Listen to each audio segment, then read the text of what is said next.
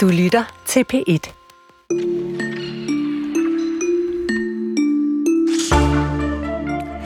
Den meget omdiskuterede koranlov, eller rettere paragraf 110 E stykke 2 trådte i kraft torsdag i sidste uge, ja, der fik det flere kunstnere ud af starthullerne og afsted til Christiansborg Slotsplads i København. En performancekunstner, der før har revet en koran på et rivejern, rev i torsdags 94 gulerødder, en for hvert folketingsmedlem, der stemte for lovændringen. Men måske endnu mere opsigtsvækkende er, at et andet sted, der blev en koran sømmet fast til tre, mens tre andre bøger, der til syneladende var koraner, blev afbrændt. Hvordan myndighederne har forholdt sig til den nye lovændring, altså Koranloven i praksis, det kigger vi nærmere på lidt senere, og det er en time, som begynder med en kur, altså en slankekur, og noget tynde kroppe. Det er mandag, det er december, og det her er Kulturen i studiet med Chris Pedersen og Linnea Albinus Lande. Normalt er det superstjerner og berømtheder, der ender på forsiden af magasinerne. Men allerede begyndelsen af 2023, der kom vægttabsmagasinen Ozempic på forsiden af magasiner som New York Magazine, Newsweek og The Economist. Siden der har talrige berømtheder optrådt på en rød løber i markant slankere figur end før, og det har fået navne som Vegovi og Ozempic på alles læber. Nu topper det internationale tidsskrift Science altså op med at hædre udviklingen af vægttabs, vægttabsmedicin som årets videnskabelige gennembrud. De her medicamenter har faktisk haft så stor betydning, at aktiekurserne på amerikanske fastfood brands er faldet markant, simpelthen fordi, at forbrugernes ja, forventede eller forventning til, at de bliver mindre i takt med de her øh, midler, som Ozempic og Govi, de bliver mere bredt tilgængelige, det er blevet så almindeligt kendt. Det fik os så til her på programmet til at tænke over øh, slankekuren som et kulturelt fænomen, og hvordan vores forhold til alt det her med diæter har forandret sig gennem tiden, for det har de unægteligt, og og hvordan vi i det hele taget kommer til sådan at forandre vores forhold til slankekurer og, og kroppen. Først runder vi lige slankekurens historie, og det gør vi sammen med Julie Stær Andersen. Velkommen. Tak skal du have køkkenleder, professionsbachelor i ernæring og sundhed og sundhedsfaglig kandidat, og så har du også tidligere undersøgt, hvordan diæter har optrådt i øh, danske ugeblade. Det er jo helt perfekt, Julie. Vil du ikke lige indlede med at fortælle, hvorfor det i det hele taget er interessant at kigge på det her med, at diæter er blevet formidlet på forskellige måder i, i danske ugeblade? Jamen, øh, jeg synes jo, at det siger noget om vores samfund og vores kultur, og øh, hvordan vi øh, bygger vores samfund op, og hvordan vi har tænkt og talt om sundhed de sidste 50-60 år siden det blev aktuelt, at man skulle til at begynde at slanke sig. Mm. Ja. Og så er det nemt at gå til, fordi et ugeblad kan man gå tilbage i arkivet og bare grave frem og kigge i. Ja, det må man sige. Jeg har siddet en helt lang sommer på øh, Statsbiblioteket i Aarhus og øh, læst alt for damerne og hjemmet øh, fra 50'erne og 70'erne og 90'erne og 10'erne. Øh, og så ligesom øh, sammenlignet de her øh, diskurser, kan man sige, sundhedsdiskurser med hinanden. Så mm. øh, det er det, jeg tager afsæt i. Så vi går tilbage cirka til 50'erne, det er ja, der, vi begynder? det er i hvert fald der, jeg starter. Øhm, fordi jeg tænkte, at øh, jamen, 50'erne, det er der, vi sådan rigtig begynder efter 2. verdenskrig, og de sidste rationeringsmærker, de blev afskaffet i start 50'erne. Og det er altså der, hvor vi begynder at kunne have tilgængelighed til øh, de produkter, der gør, at vi kan ende med at blive overvægtige. Øhm, og hvis jeg lige skal starte med at fortælle noget sådan om, om 50'erne, eller? Ja. Ja, ja, det, det er jo det, vi gerne vil ja. dykke ned i. Vi tager det sådan ja. lidt 10 for okay. 10, sådan et, yes. et, et hurtigt uh, ris over det. Hvad er det for et syn på kroppen og slankhed, man, man primært har i 50'erne? Jamen, øh, i 50'erne, altså det er som det altid har været. Vi vil gerne være slanke. så øh, det er som, som det plejer, men altså hvordan vi så taler om sundhed, og hvordan vi får vores viden om øh, at slanke os, det er øh, ud fra autoriteterne, sundhedsautoriteterne.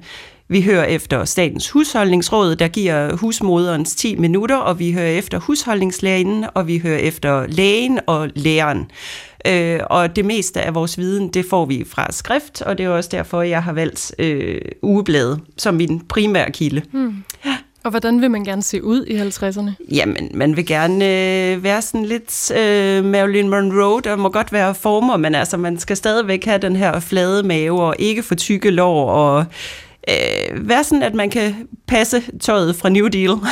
have en, en, en slank talje, der passer til en, øh, en god nederdel og en god kjole. Og, øh, ja, men det er stadigvæk... Øh, det kan godt være, at vi siger, at Marilyn Monroe, hun øh, faktisk øh, var forholdsvis overvægtig i forhold til vores tid, men det viser sig, at det passer sådan set ikke rigtigt. Hun øh, efterstræbe det samme slanghedsideal, som, øh, som vi stadigvæk gør i dag. Mm. Og så er det altså hvide kitler, man får de her råd for. Men, ja. men, men hvad er det, de siger til os i 50'erne? Ja, men de siger, at sådan noget med, at øh, altså, sådan noget med sund, det bruges egentlig ikke så meget udtrykket sund. Øh, det er mere sådan noget med, at vi skal sørge for at spise noget nærende og noget vitaminrigt kost, fordi det stadigvæk handler om, at vi lever i et øh, til dels mangelsamfund. Så derfor det er det her med, at husmoderen får råd til, hvad hun skal gøre for at holde sin familie øh, sund og sygdomsfri, og øh, at der ikke kommer nogen øh, mangelsygdomme øh, på banen. Mm. Og når vi tænker på sådan noget som fedme, jamen det bliver diagnostiseret af lægerne som en slags sygdom, simpelthen, altså med psykisk afsæt, og en, en overvægtig person kan man anskue som have en psykisk lidelse nærmest. Så det er sådan med, at det er en patient, som øh, man skal ynke og have lidt medlidenhed med, men man fratages et hvert personligt ansvar, ligesom hvis man havde influenza for eksempel. Julius der Andersen, vi skal lige høre et uh, lille klip ja. fra 1967, hvor ja. en flok husmødre er til foredrag og får at vide, at de skal spare på smøret ja. og spise hytteost til frokost. man kan godt blive lidt forvirret, hvis man skal af med de overflødige kilo. For det ene øjeblik får man at vide, at det er kulhydraterne, man skal passe på. Det andet, at det er kalorierne. Hvad skal man gøre? Man skal spise fornuftigt. Man skal spise mad, der mætter, men ikke feder. Og så den mad, der er fuld af specialnæringsstoffer. Og det vil sige proteiner, kalk, fosfor, jern, og så øh, alle mineralerne. Man kan altså ikke gå på slankekur på bar mayonnaise? Nej, det kan tro, man ikke kan. Man kommer i underskud. Man bliver dårlig af det, og desuden vil du være kvalmende hver dag at spise mayonnaise. ja, altså 1967, øh, nogle slankeråd her, og det der med at være forvirret over, hvad for nogle råd man skal lytte til, det tror jeg også, der er mange, der kan, kan genkende i Ja, helt sikkert. Ja. Ja, og jeg må sige, at men, øh, altså det her, det er jo sjovt at tænke på i dag, hvor der er en stor øh, gruppe, der bekender sig til en masse protein og højfedt indtag, at man så hører, at naturligvis kan man ikke gå på slankekur og spise mayonnaise. men altså, den, ja, den her naturromantiske forestilling om, at alt var bedre i gamle dage, det er altså ikke noget øh, nyt fænomen, kan vi godt høre. At det her med, at det kan godt være, det er 60-70 år siden, men altså eksperterne er stadigvæk enige om, at det er sukker og hvidt brød, der er fødevarer, der skal undgås. Vi vil stadigvæk, vi skal have nogle klid, og vi skal have nogle vitaminrige grøntsager. Og det er det jo så, det var et klip fra 1967, men ja. hvis man så lige kigger, altså sådan bare få år ind i fremtiden, hvad er det så, der sker i 70'erne? Jamen i 70'erne, i hvert fald det, jeg har taget udgangspunkt i, som er fra 73, der kan man sige, der er sket en stor omvæltning i forhold til, hvordan vi ser samfundet. Vi har jo smidt, der har været hele 68 oprøret, hvor vi har smidt vores autoritetstro øh, på porten, og... Øh, Altså nu er vi gået over til selv at tage ansvaret for vores egen sundhed, og det betyder en hel masse. Det betyder, at der finder stadigvæk øh, kostråd fra det officielle Danmark, øhm, men at nu begynder sundheds- og slankekur at fylde meget mere i, øh, i de blade, jeg har, jeg har kigget igennem. I 1953, der havde jeg samlet omkring 10 artikler omkring sundhed, og så øh, hvis vi går til 73, der er der i hvert fald omkring 50 artikler, og det er alle sammen oh. slankekur. Okay, der er virkelig sket noget der. Ja, og det er meget sådan nogle, øh, det vi forsager i dag, altså det er det, vi kalder jojo-kur. Der er for eksempel sådan noget, der hedder øh, kålsuppekuren, og der er hvidvinskuren, og der er en, der er en kur, der hedder stewardessekuren. Den ved jeg, øhm, Chris er meget begejstret for. Ja, den er. ja, jamen, jeg har nemlig et, et, et, et sådan lille billede af den her. Jeg kan lige læse en lille smule op fra, hvad der står omkring den. Ja, Øh, der står, vil de af med nogle kilo i en fart, så er denne kur den helt rigtige. De kan tabe dem ind til 5 kilo på en uge, men inden de går i gang, skal de være helt sikre på, at deres helbred ellers er tip-top. Og så står der til sidst så noget med, at øh, den går kort sagt ud på, at man skal leve af kaffe og hårdkogte æg og øh, et par glas hvidvin om dagen. og så står, der til, ja, så står der til slut, at stewardessekuren ordineres blandt andet af SAS til stewardesserne, hvis de er blevet lidt forbudtet. okay. Og jeg kan slet ikke forestille mig det ramaskrig, der vil være, hvis det kom frem i dag, at det Ej. var noget, man gjorde. Nej, det lyder jo så vildt. Ja. Så, så det er jo sjovt, det her med, at senere hen, altså individualiseringen i 90'erne, ja. nullerne, sætter jo så også sit præg på, på slankekuren, men hvad ja. er det for, altså hvordan er det, hvad er det for et aftryk individualiseringen og det her sådan individorienteret, det, det sætter på slankekuren i, i for eksempel i, i tierne? Jamen altså, hvis vi kommer længere ind i 90'erne og 10'erne, der begynder vi jo at se ligesom en form for respons på de slankekurer, og det personlige ansvar, man har givet vægttab i 70'erne, det her med, at du selv står selv til ansvar for, hvor meget du vejer, og om du spiser rigtigt. Og det er jo, at øh, omkring 90'erne begynder der at komme rigtig meget fokus, også i de her dameblade, øh, på øh, spiseforstyrrelser, for eksempel anoreksi og bulimi. Øhm, og det er noget, der en, en psykisk sygdom, der begynder at udbrede sig rigtig meget i 90'erne, øhm, og som man i hvert fald hvis man skal springe hurtigt til en konklusion, jamen det er jo, at der er rigtig mange, der har været på de her jojo-kurer øh, mange gange, mm. og det eneste, man får ud af det, det er, at man taber måske et par kilo, og så går der lidt tid, og så kommer de på igen, plus nogle ekstra kilo. Mm. Julie Sternersen, inden vi slipper dig helt. Ja. December og januar er typisk øh, højsæson for slankebøger og den slags. Ja. Og i år er der titler som vegetarisk vægttab, mm. kulhydrater, spis dig i balance, ja. og så alle de her airfryer-bøger, som ja. vi virkelig har talt det øh, op og ned og stolper om, ja. som er sund med næsten uden øh, olie, som ja. det ellers ville være stegt i uden den der airfryer. Ikke? Ja. Æ, så der er den slags bøger, så er der i det hele taget et kæmpestort fokus på bæredygtighed mm. i madlavningen. Hvad siger det om vores forhold til både at være slank, og så det der ord sund, som du sagde, at det, ja. det talte man ikke ret meget om i 50'erne. Øh, og så den måde at være på diæt nu. Hvor er vi henne? Jamen, vi, jo, vi har jo i hvert fald lagt de her jojo-kurer fra os. Det er helt tydeligt, og det har vi lært, at det er simpelthen ikke noget, der virker. Øh, vi har lært at sige, at vi laver øh, kostændringer, og vi laver vaneændringer, og det kan man også se, fordi der i stedet for kost øh, til terapeuter eller kostvejledere, der er kommet det på banen, der hedder vanecoaches, øh, hvor vi simpelthen kigger ind i, at jamen, hvis du skal lave et vejet vægttab og et sundt vægttab over tid, så kræver det, at du kigger på dine vaner og hvad sundhed betyder for dig. Øh, og så synes jeg også det her med, at man kan se, at klima også er kommet på dagsordenen omkring sundhed. Det vil sige, at øh, jamen, du spiser ikke kun for din egen skyld eller din families skyld, du spiser også for klimaets skyld. Vi kan også se det i de nyeste anbefalinger at der øh, er udpenslet meget tydeligt, at bælfrugter er en god idé at spise. Ikke kun fordi, at det giver gode proteiner, men simpelthen også fordi, at det er en god idé for klimaet. Hmm. Så der er kommet noget bevidsthed ind der, som handler om ja, mere end, end bare os, ja, ja, helt sikkert. individualisering. Der er, ja, der er meget mere fællesskabstanke øh, på den front. Tak skal du have, Julie Stær Andersen. Velbekomme. Du er køkkenleder og professionsbachelor i ernæring og sundhed og sundhedsfaglig kandidat, og så har du undersøgt slankekurens historie. Som vi altså lige har øh, gennemgået, men spørgsmålet er, hvad opfindelsen af den her nye, kan man vel stadig godt i historisk forstand kalde den, den her vægttabsmedicin, øh, Vigovi for eksempel, kommer til at betyde for slankekurernes fremtid.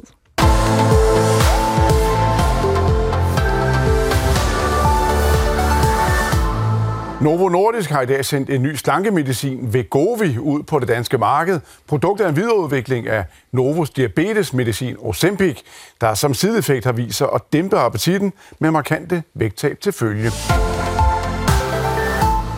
Lige nu har omkring 80.000 diabetespatienter svært ved at få fat i deres foretrukne medicin. Det populære præparat Ozempic fra Novo Nordisk er nemlig i restordre mange steder, og efter snart to måneder med leveringsproblemer, så begynder mange af patienterne nu for alvor at blive presset. Novo Nordisk skovler milliarder ind for tiden. Den danske medicinalgigant kunne her til morgen præsentere et overskud på næsten 20 milliarder kroner. Ja, altså stor opmærksomhed på øh, slankemidlet, som vi bare fik et lille overblik over her. Stoffet Vegovi er kodet til årets, årets videnskabelige gennembrud af øh, tidsskriftet Sciences, men den her opfindelse af slankemedicin er ikke kun et gennembrud inden for videnskaben, det er på mange måder også et kulturelt gennembrud, og det øh, kigger vi nærmere på nu. Den tynde krop som statusmarkør gennem tiden, og også på, hvad for en betydning det kan komme til at få, når den øh, tynde krop pludselig er noget, man kan købe for penge. Og det skal vi gøre sammen med den næste gæst. Øh, velkommen til dig, Lene Bull Christiansen. Tak skal du have. Lektor på Kulturmødestudier på Roskilde Universitet. Nu har vi lige hørt om Stangekorns historie. Tror du, vi stadig vi har bøger som Spis dig slank og bliver klar til bikinisong, eller en ny krop på fire uger om, på hylderne om 20-30 år? Måske. Uh, jeg tænker, at uh, selvfølgelig er medicin noget, som alle mulige mennesker gerne vil kaste sig over, men det er jo stadigvæk de få for ondt, øh, fordi det jo stadigvæk er en utrolig dyr løsning. Ja. Så det kan, det kan simpelthen øh, være, at øh, vi alle sammen kaster os over det, hvis priserne på en eller anden måde falder, det bliver mere bredt tilgængeligt, det her slankemedicin, som lige nu koster mange tusind kroner, og det kan også være det modsatte. Altså man skal selvfølgelig huske, at øh, det at være i kalorieunderskud jo ikke nødvendigvis er en god ting. Øh, og det er det øh, hverken, øh, hvis man er øh, tynd i forvejen, eller hvis man er tyk. Så derfor så øh, er øh, medicinen jo en, en hjælp, kan man sige, til øh, at være i kalorieunderskud. Øh, og det kan godt være, at vi på den lange bane kommer til at se øh, øh mere skeptisk på det, kunne ja. jeg forestille mig. Julie Stær Andersen, som vi lige talte med, hun var kort inde på det, da vi gennemgik øh, slankekurens historie sådan, gennem de sidste 50, 60, 70 år. Øh, men hvad, hvis vi kigger nærmere på det der med tyndhed og den slanke krop mm. som et statussymbol i sig selv, Hvordan har det så set ud rent historisk? Altså historisk set, så har vi jo eksempler helt tilbage fra antikken øh, på, at det tynde, den tynde krop blev idealiseret. Og man kan sige, at hele vejen op igennem historien, der har vi eksempler på forskellige former for korsetter, øh, hvad hedder det, øh, som jo peger på, at i hvert fald den øh, tynde mave øh, har altid øh, været øh, idealiseret. Det har jeg en øh, god kollega over på Københavns Universitet, der hedder Dina Amlund, som sidder og forsker i lige nu. Øh, og, og det, hvad hedder det, det ideal, det er noget, som øh, har været med os i løbet af hele den vestlige kulturhistorie i hvert fald. Hvordan det har set ud andre steder i verden, det, øh, øh det skal vi måske lade, lade ligge lige nu. Vi forholder os til den vestlige nu. Men hvad kan være forklaringen på det? Jamen altså forklaringen øh, er, at der, at der er øh, igennem forskellige perioder sådan idealisering af forskellige måder at opføre sig på. Øh, der bliver kroppen og hvordan kroppen ser ud brugt som øh, sådan et symbol på, at man er moralsk rigtig, man gør det moralsk rigtige. Øh, øh, øh, for eksempel øh, i, i middelalderen, hvor at øh, mådehold og, øh, og det ikke bare at rave til sig, det, det, blev, øh, det blev sat højt, jamen der blev tykkhed blev simpelthen set øh, på som et... Øh, et symbol på grådighed, og, øh, og at man øh, øh, ikke, ikke var i stand til at øh, leve, leve op til idealerne for øh, at være ja, tilbageholdende, kan man sige. Ikke? Mm. Altså, når jeg tænker tilbage på min egen sådan, folkeskoleundervisning for eksempel, så husker jeg den der historie om, at man har fået at vide, at tykkhed engang var et andet, et slags statussymbol på sin egen måde, fordi det handlede om ikke at skulle knokle, og ikke at være arbejder og alt det der. Men er der, er der lidt en skrøne over det? Det er øh, i hvert fald en sandhed med modifikationer, hvis ikke det simpelthen er en myte. Øh, fordi at øh, man har øh, sådan to forskellige konkurrerende forklaringsmodeller på det her. Ikke? Altså på den ene side, så siger vi, øh, øh, i gamle dage, øh, der var der mangel på mad, og derfor så var dem, der havde råd til meget mad, det var ligesom selvfølgelig dem, øh, der kunne så blive tykke. Øh, men det modsiger den her kulturanalytiske øh, analyse jo. Altså hvis, hvis, hvis man altid har haft korsetter i de højere luftlag, så er det jo nok fordi, at man egentlig ikke har set med milde øjne på de her tykke maver. Øh, og samtidig så har vi også en fortælling om, at jamen altså med industrialiseringen, øh, der kom den her øh, store udbredelse af, af, af af mad, og derfor kunne folk blive tykke, øh, og, øh, og at det, øh, det sådan set er, øh, er et nyt problem. Så man har egentlig i virkeligheden to måder at, at forklare det her på. Øh, og, og begge dele, hvis man ser på vægtforskning, øh, giver faktisk ikke særlig meget mening. En af, de, altså et af de steder, hvor man virkelig kan se det her fokus på, altså korsettet er jo sjovt, fordi det knytter sig som oftest til kvinder, og, og vægttab og vægt i det hele taget, og kvinder hænger jo stadigvæk enormt meget sammen. Slår man kender sig vægttab op på Google, så er det blandt andet et billede af Kim Kardashian, der dukker op. Og det var til Met Gallaen i 2022, hvor hun tabte 7,5 kilo på tre uger kun.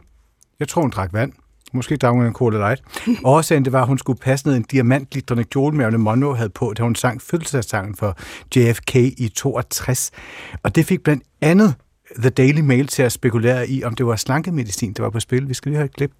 I have about three weeks to fit into this dress. Speculation persists that Kim Kardashian used Wegovy to squeeze into the famous Marilyn Monroe dress she wore at the Met Gala. I knew I had to lose at least 10 pounds for it to even go up on me. I am going to do every last thing that I can to try to make this happen. What's the reality about these appetite suppressant jabs that were originally created for diabetics? How do the rich and famous get their hands on them to shed a few pounds? What are the risks of taking this weight loss medication? We reveal everything you need to know about this so called obesity cure.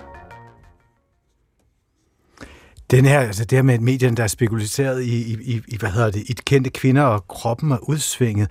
Altså, hvorfor er det netop kvindekroppen, der har den her interesse? Historisk set har kvinder jo været forbundet med deres krop i meget højere grad end mænd. Status for en kvinde har jo simpelthen handlet om, var hun fødedygtig, øh, var hun smuk, øh, var hun, øh, øh, havde hun en god aktie på, øh, på giftemarkedet. Jeg ved ikke, om hvor mange, der har læst øh, Jane Austen, men ja. der er jo øh, et berømt citat. Øh, da storesøsteren langt om længe er blevet øh, forlovet, så siger moren, I knew that you could not be so beautiful for nothing. Og det handler simpelthen om, at hendes skønhed, det er en form for kapital. Så det vil sige, at øh, skønhed og øh, tyndhed, som jo er lige med skønhed i vores vestlige forestillinger, jamen det har simpelthen været noget, som var øh, det, kvinder havde at byde ind med i samfundet i langt højere grad øh, end, end mænd, som i højere grad er blevet bedømt på deres præstationer og deres øh, øh indtjeningsevne og alle sådan nogle ting. Mm. Lene Bull, øh, før i tiden der blev den tynde krop jo som sagt forbundet med en øh, vedholden diæt, måske endda også en masse timer i træningscentret. Hvordan tror du, at øh, vores blik på vægt, eller på, ja, på vægt i det hele taget vil blive påvirket af den her nye form for medicin, man kan tage for så hurtigt at blive slank uden egentlig at gøre særlig meget? Altså jeg tror i hvert fald, at det kommer til at have en øh, klassedimension.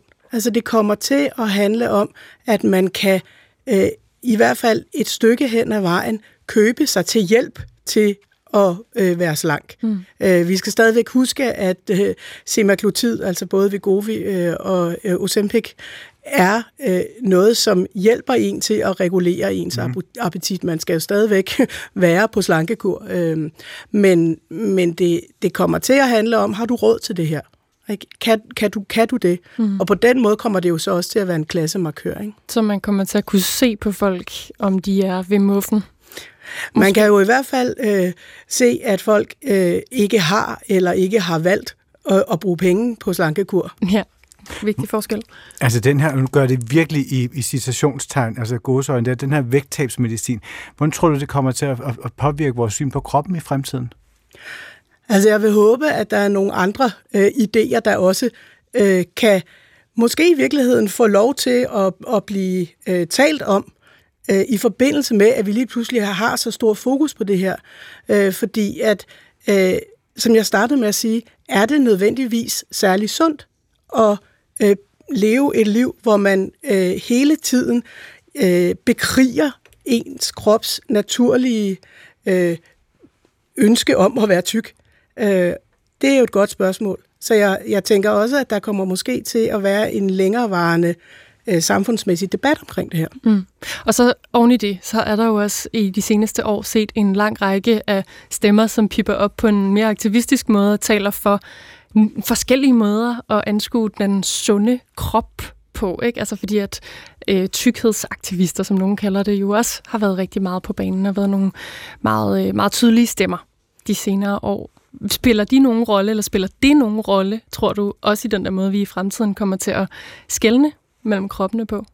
Jeg tror jo, at noget af det, som øh, tykkhedsaktivister jo øh, i hvert fald øh, slår på, øh, det er jo, at øh, man skal også bare have lov til at være i den naturlige krop, som man har. Og at øh, det, at der er forskel på kroppe, ikke nødvendigvis er en dårlig ting.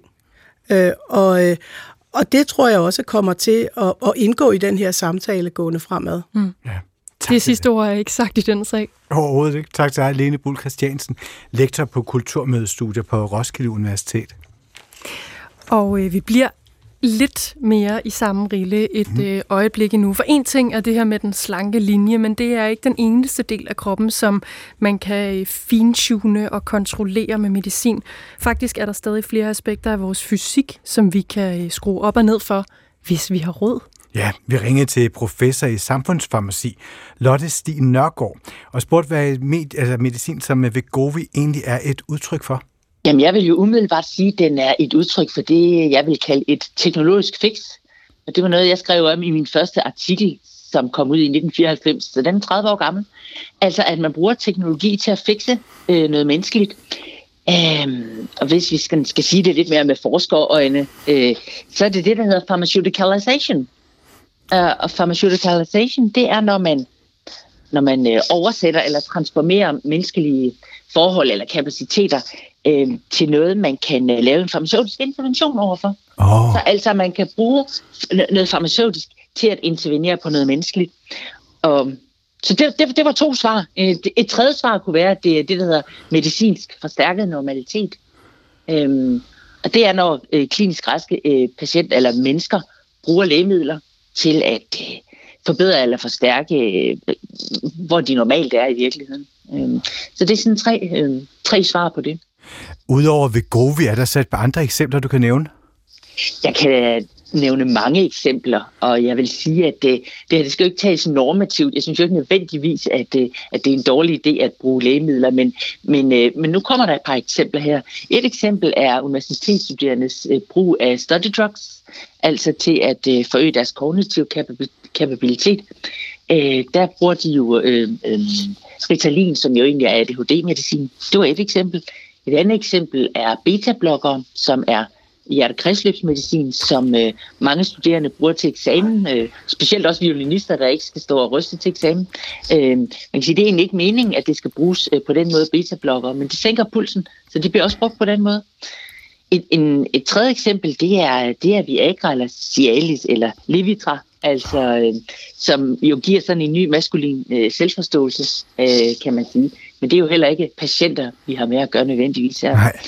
Ja, så det, det var tre eksempler, og men som sagt, listen er lang af eksempler. Det er den. I forhold til, til Vegovi, hvad er, så, hvad er så fremtidsperspektivet i det her? Jeg synes, det kan gå flere forskellige veje. Jeg tror først og fremmest, at det her vil finde sit, øh, sit leje. Det er jo ikke et vidundermiddel, skal vi lige huske på. Altså, man ser en 15% reduktion i vægt, men Øhm, øh, øh, dem, der har, har fået den vægtreduktion, de har altså både haft en træner og en diætist knyttet til sig, øh, og har motioneret to og en halv time øh, om dagen. Øh, så det er ikke bare et vidundermiddel, der løser alt. Plus der er en øh, økonomisk øh, ende af det. Det er stadigvæk et meget dyrt lægemiddel for langt de fleste. Så jeg tror, det finder sit leje. Øhm, det er sådan det ene svar. Det andet svar er, at, øh, at jeg kunne jo godt håbe på, at vi fik sådan en større, på samfundsplan, sådan en større øh, kropsaccept, som gjorde, at vi godt kunne leve med at have lidt overvægt og faktisk have en, øh, en, en ja, at have en overvægt, ikke også? Øhm, med de problematikker, der så knytter sig til det. Men det mest sandsynlige, og det vil være, være min afslutning, det er, at øh, medicinalindustrien de vil udvikle flere, flere lægemidler, som borgerne kan bruge til at, øh, at, øh, at fikse vores problemer med. Og det sagde altså Lotte Stig Nørgaard, som er professor i samfundsfarmaci på Københavns Universitet.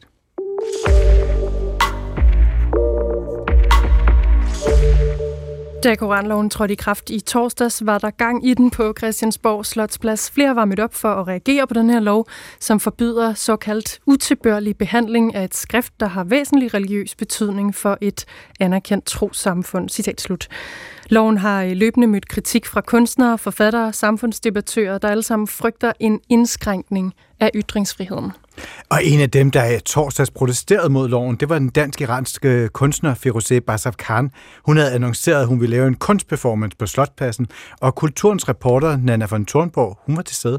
Lige nu på Christiansborg Slotsplads, der tør jeg godt at sige, at der er flere journalister, end der er politifolk.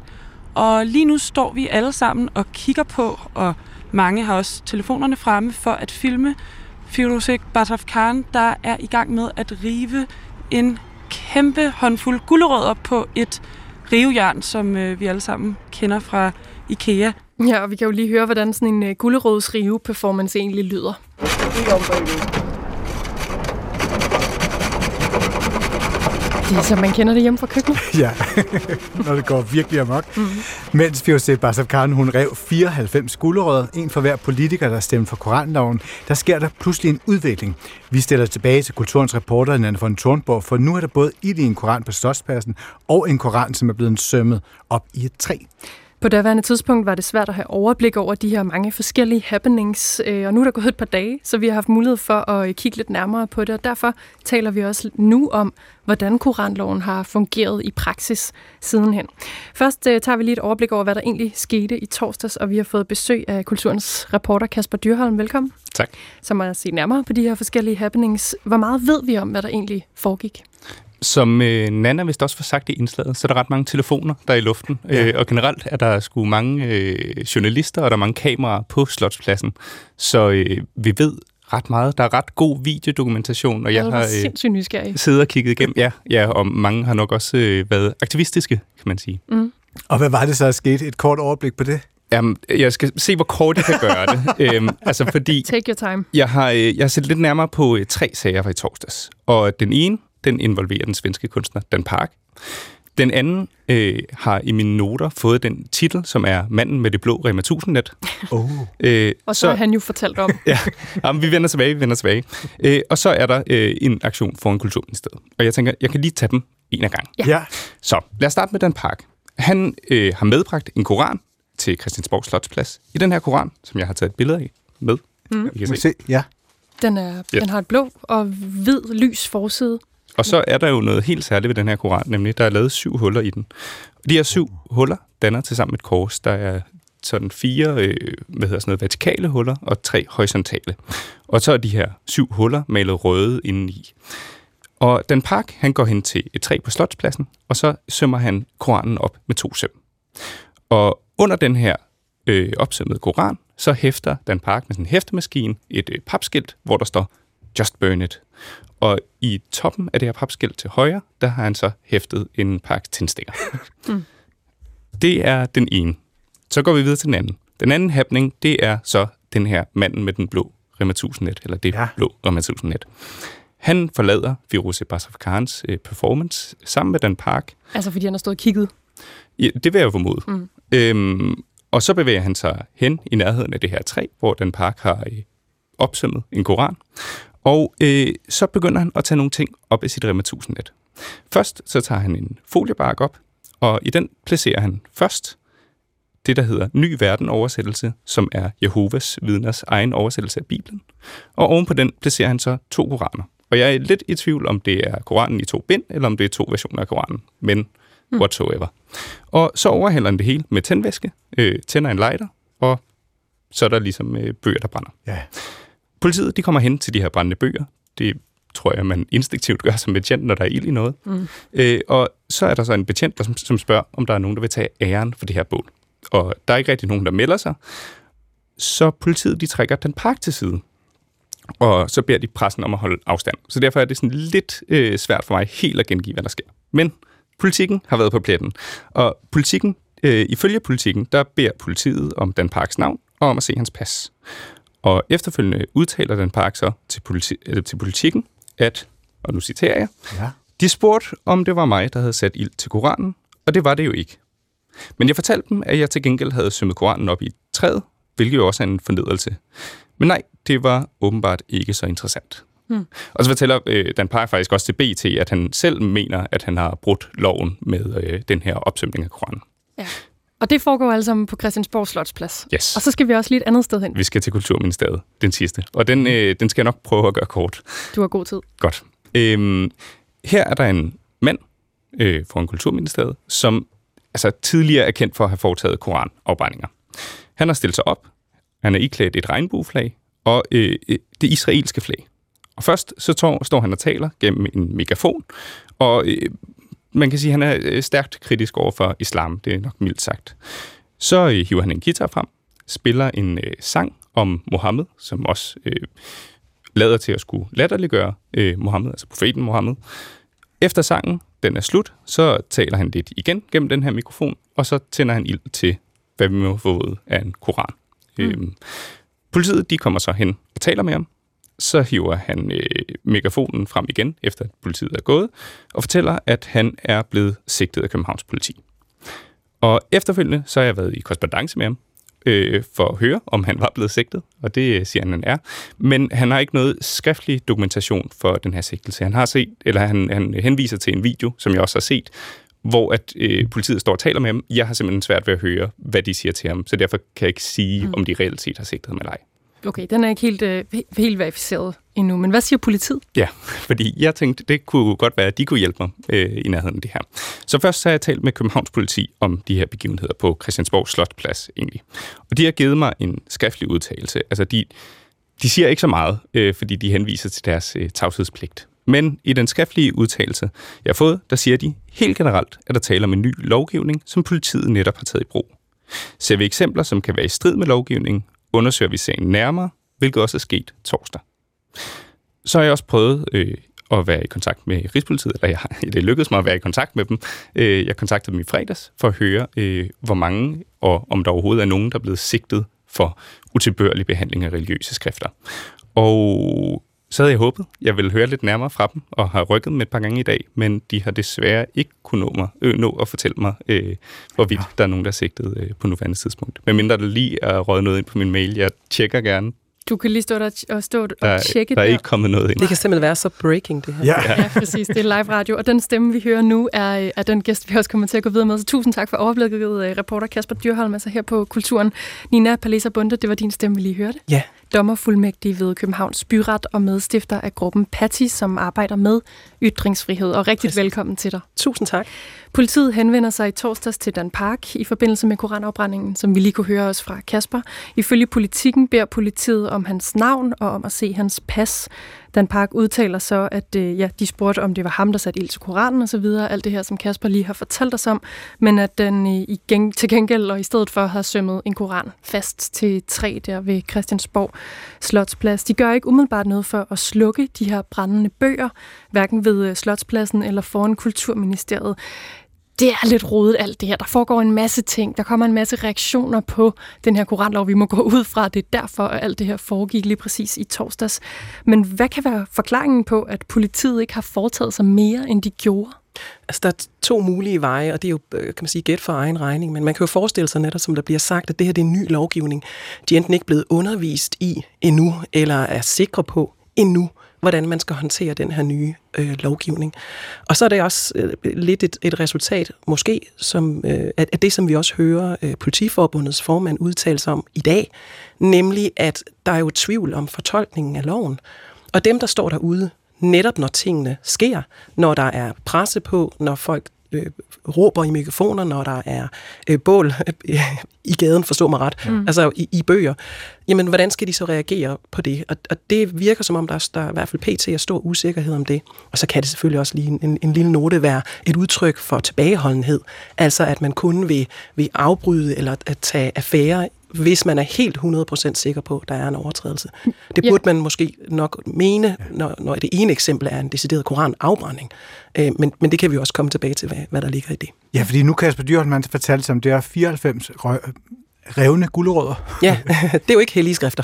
en, en, en koran banket op i et træ med søm, og så hellige bøger i brand. Altså, hvordan vil du vurdere de her tre happenings i forhold til lovgivningen? Det er vigtigt altid lige at gribe lovens, ordens, øh, altså lovens ordlyd. Undskyld, jeg er en lille smule forkølet som resten af Danmark. Lovens ordlyd. Og det er jo, at man ikke må være utilbørlig imod hellige skrifter og det er så både på offentlige steder, men egentlig også, hvis man så vælger at streame det ud videre, øh, altså den person, der har udført det.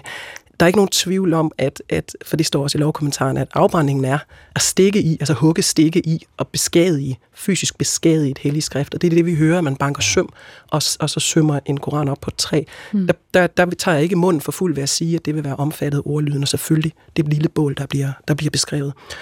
Og vi har jo sat flueben allerede ved det hellige skrifter, øh, både for så vidt angår øh, Jehovas vidne, som er øh, også et godkendt trosamfund i, i Danmark, og så, så i forhold til Koranen, som er hele omdrejningspunktet om det her. Mm. Og så er det jo der med den utilbørlige behandling.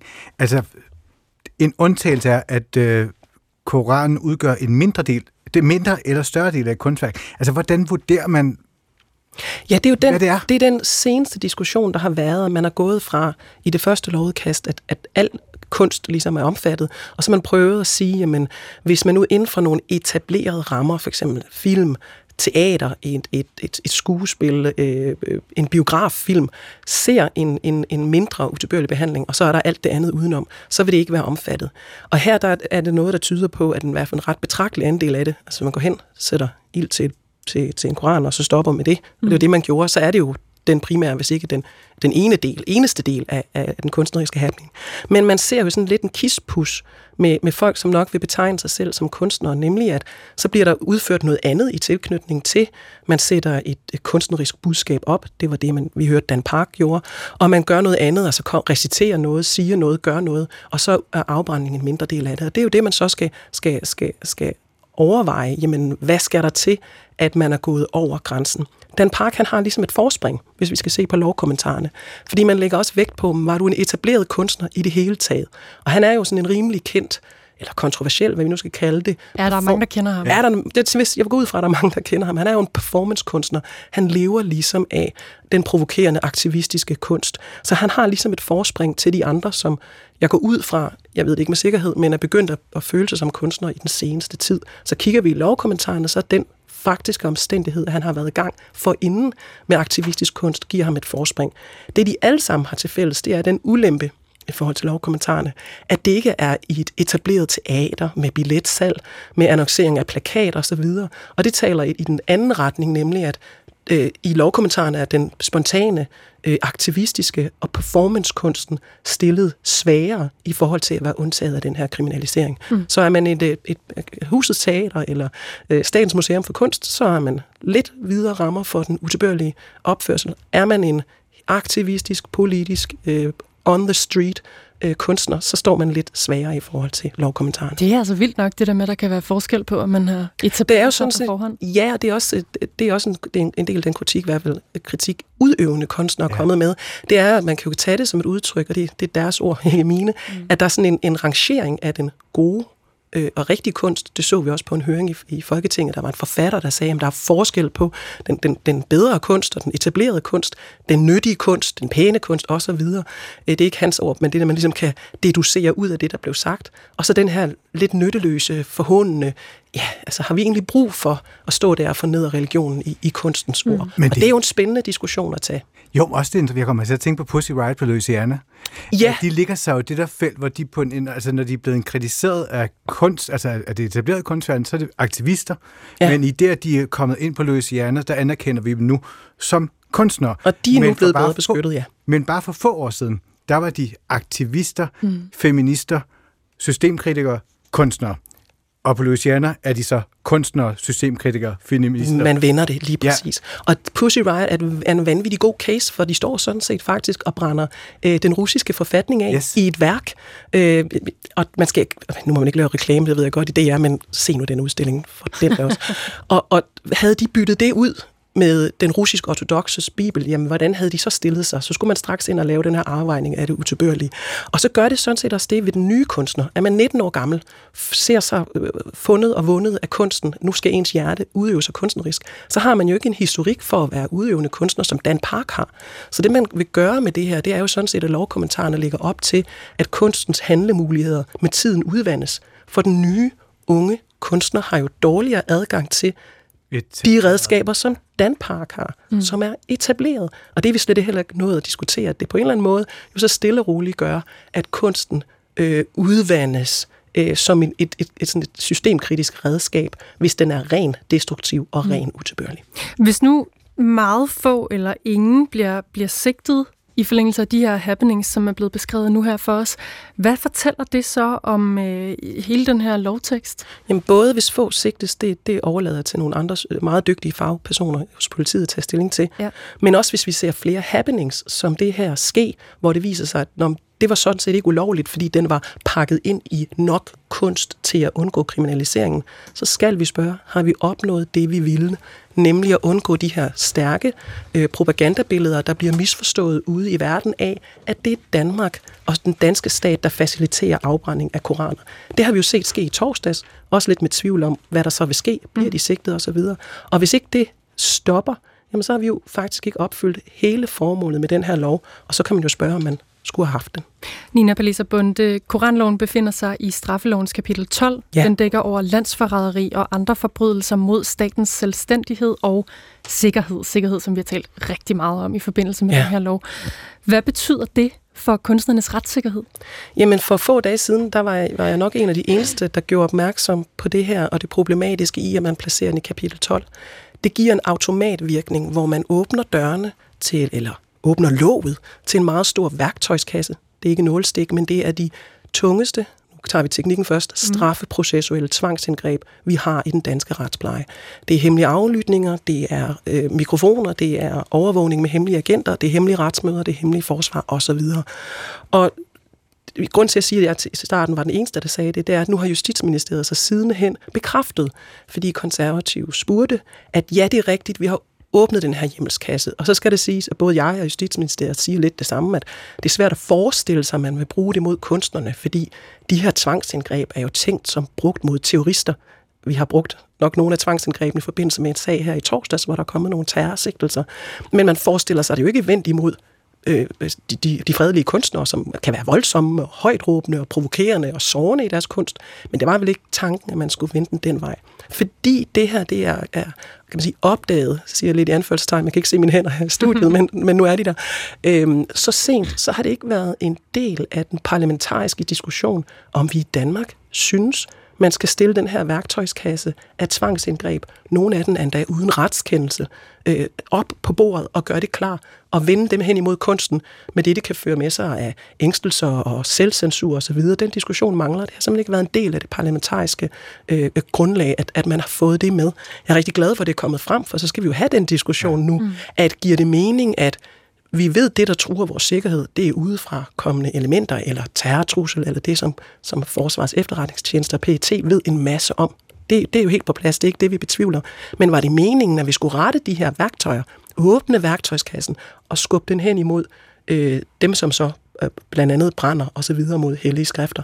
Eller har vi vendt det på hovedet? Det synes jeg er en vigtig principiel diskussion, og det er jo derfor, en jurist som jeg lige hiver det principielle store røde kort op og siger pause. Lad os lige tage en diskussion om, at vi vil ned af en sti, hvor frygten for terror gør, at vi vender redskaberne ikke væk fra dem, der truer med terror, men indad mod nogle andre.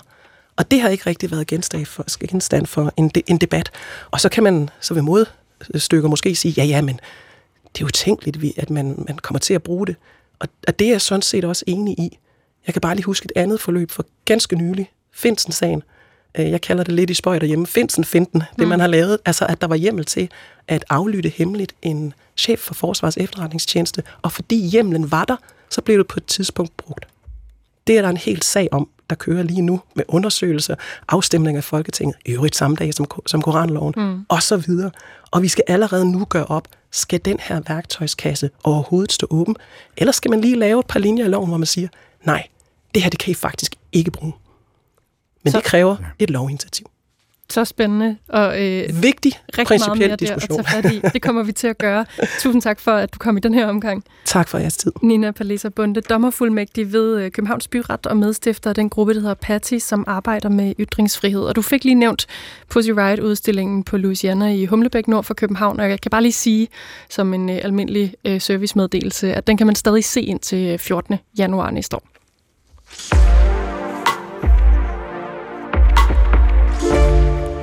Året det går på held, og der er kun små to uger tilbage af 2023.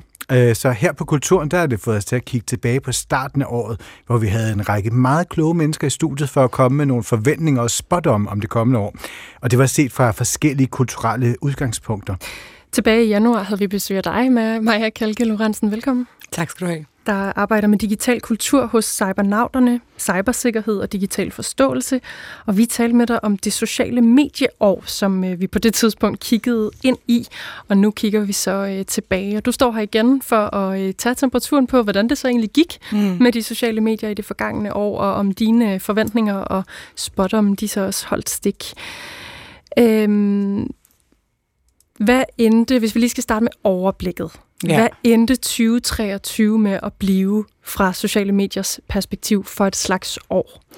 Men altså for dem, der opererer i Europa, og det er jo dem alle sammen, så endte det i høj grad med at blive et år i reguleringstegn, fordi der endelig efter mange år er kommet det her, der hedder Digital Service Act, som, øh, ja, det har været mange år undervejs, så det er ligesom et forsøg på at lave noget lovgivning, som sætter sociale medier under noget mere ansvar over for deres brugere, både giver noget mere transparens til os som brugere, og for hvad for noget data bliver der indsamlet, hvordan måler retter vi reklamer til dig, øh, og også nogle muligheder for ligesom at sige ja tak eller nej tak til nogle forskellige af de her ting. Og det har, øh, det blev sådan implementeret i starten af året, og for alvor trådte i kraft i august. Og det har i høj grad været et år, hvor de her sociale medier ligesom har, har halset efter og prøvet at lave nogle nye øh, tiltag, som gør, at de lever op til Digital Service Act, eller den her DSA'en, som sådan nogle teknørder, som, øh, som øh, hvad hedder det, folk bare sådan henviser til den. Men det er altså et, et stykke lovgivning, som Øhm, ligesom GDPR tidligere er nogle forsøg på sådan at, at tøjle de her tech-giganter øh, lidt fra EU-politikerne, som øhm, synes ligesom mange andre, at, at det er måske stukket lidt af. Og hvis vi kigger på det fra forbrugerperspektivet, hvordan har det så influeret øh, forbrugerens måde ligesom at være på sociale medier på, eller blive påvirket mens de bruger dem på? Jamen altså for eksempel, så har du jo muligheden for nu at få det, der hedder et kronologisk feed på Instagram, ligesom man havde i rigtig gamle dage. Så hvis man er sådan en gammel en ligesom mig, så kan man mig. huske... Jeg kan sagtens huske det. så kan man huske det der med Instagram, der så man ligesom det nyeste først, og mm. det var primært ens venner, og så lige pludselig begyndte man at få alt muligt andet foreslået ind i ens feed. Jeg kan huske, kan jeg huske den der funktion, hvor den pludselig sagde, nu har du set alt. Ja, og det betød, at man havde været hele vejen igennem. Du slutningen af Instagram, det kender jeg også mange, der er med Tinder. Nu har de været igennem Tinder. Det er meget aktivt. uh, ja. Uha. Så må man udvide sin radius. Men ja, det var en gang, hvor man var igennem alt. Og selvfølgelig, så er Instagram jo interesseret i at have, øh, at man ikke kan se alt nogensinde. Ligesom alle andre sociale medier, de vil jo gerne holde os på platformen så længe som muligt, ja. fordi det er sådan, de kan eksponere os for mest mulige reklamer, som de tjener penge på, og samle mest muligt data. Og det er jo især sådan noget, som Digital Service Act prøver at implementere det her med, I skal faktisk indlægge nogle mekanismer, øh, så folk kan vælge det her fra med det endeløse scroll og det endeløse feed. Og det, det kan man blandt andet på Instagram. Jeg tror, der er mange, der ikke ved det. Jeg modererede en debat med Martin Ruby, der er den nordiske repræsentant for Meta, og han sagde også, det kan man jo, det har man jo kunne længe nu, at du i stedet for det her for you, så vælger du simpelthen dit eget, altså dem du følger for eksempel, af dine favoritter, og så kan mm. du ligesom scrolle til bunden af det. Og som man også sagde, jeg tror ikke, at folk får en særlig sjov oplevelse. Det er jo så det næste spørgsmål, er forbrugerne så klar til at gå tilbage til det gamle feed. Ja, for nu har vi altså dopamin-scrollet så længe og blevet ja. sådan underholdt i timevis, hvis vi bare blev ved at falde i. Præcis, er vi faktisk klar til det, for der er jo stadigvæk den anden mulighed. Du kan også se sådan noget som, at Meta har tilbudt sådan, om nu skal du til at sige ja til, at vi må målrette dig annoncer, eller skal du betale. Og det er jo også noget, som ligger i DSA'en, at du skal kunne vælge nogle af de her modeller til og fra. Og så kommer der en betalingsmodel. Og så kan man så sige, at folk er faktisk klar til at betale hver måned for deres sociale medier. Øhm, der kommer helt sikkert også til at være nogle, nogle andre øh, rammer, der hedder sådan noget, som det kan være, at indholdsudbydere skal til at betale øh, for reach. Det gør de jo i forvejen og sådan nogle ting. Så vi er stadigvæk i en, i en udrulningsfase, men nu møder de her løsninger jo ligesom nogle forbrugere og nogle borgere, og så må vi se, hvordan folk tager imod ja. dem. Mm. Vi talte jo også om det sociale medie X, der før hed Twitter, men ja. som jo blev opkøbt for 44 milliarder dollars ja. i 2022 af Elon Musk. Ja. Og om øh, hvad, hvilke, altså, hvilke konsekvenser det vil have i forhold til, til brugertallene og mm. brugeradfærden, og der havde du faktisk en, en kommentar.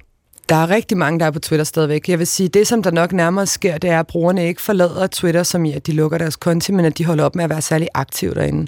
Fordi det simpelthen holder op med at være et, et bæredygtigt sted for seriøs dialog, men det er et sted, hvor du kan se på øh, ja, det, det shit show, som det er, at, at Elon Musk sådan ligesom tweeter, mens det her øh, skib går ned.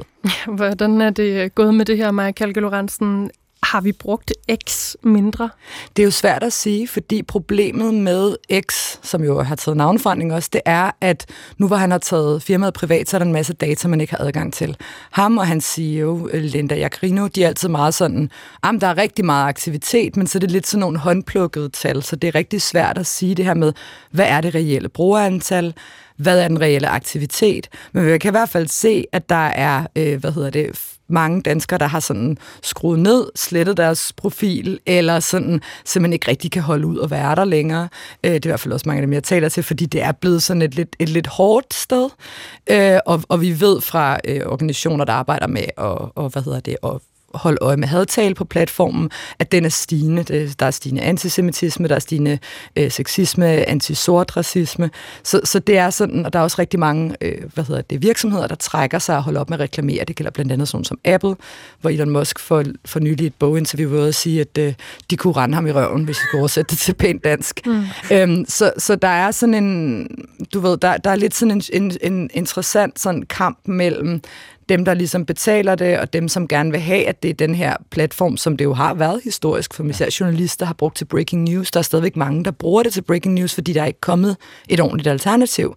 Men der er også mange, der ligesom skruer ned for aktiviteten, fordi at det er et, øh, altså et mere useriøst sted, og der er især mange annoncører, som sådan, det har de ikke lyst til at blive associeret med. Han lukkede for nylig for eksempel sådan en som konspirationsteoretikeren Alex Jones fra mm. Infowars tilbage. Det er noget, han har tidligere sagt, han ikke ville gøre fordi Alex Jones blandt andet blev dømt for at lyve om forældre, der har mistet deres børn i det her Sandy Hook skoleskyderi og sige, at det havde de slet ikke. De fandt bare på, at de havde børn. De var bare hyret CIA og sådan noget.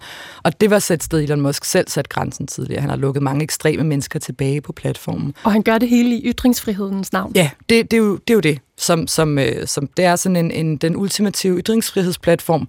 Og der kan man jo så se, hvordan fungerer øh, det eksperiment så i praksis for, for folk, der er der, når der reelt ikke er særlig meget moderation. Vi kan kigge tilbage på X om et års okay. tid, og, øh, og simpelthen tage temperaturen endnu en gang. Mm. Jeg er helt sikker på, at der kommer til at ske meget der det næste kom, eller det kommende år også.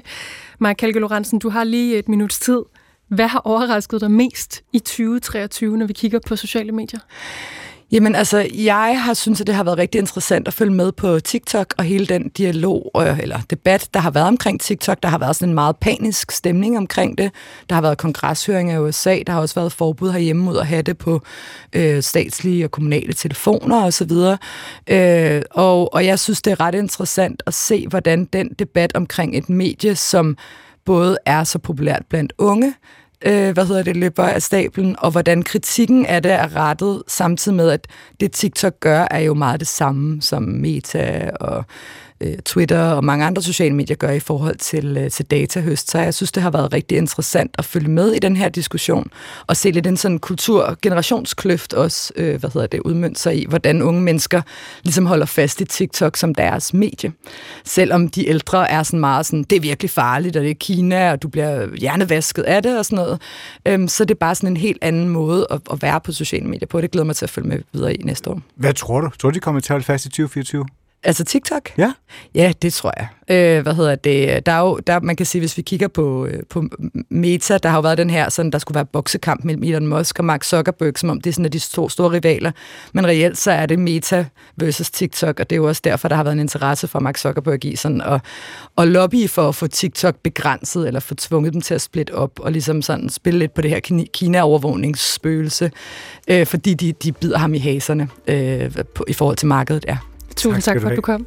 ja, tak til dig, Maja Kalke Lorentzen, der arbejder med digital kultur hos Cybernauterne, cybersikkerhed og digital forståelse. Og ja. Nu er der radiovis. Ja. Så er vi tilbage.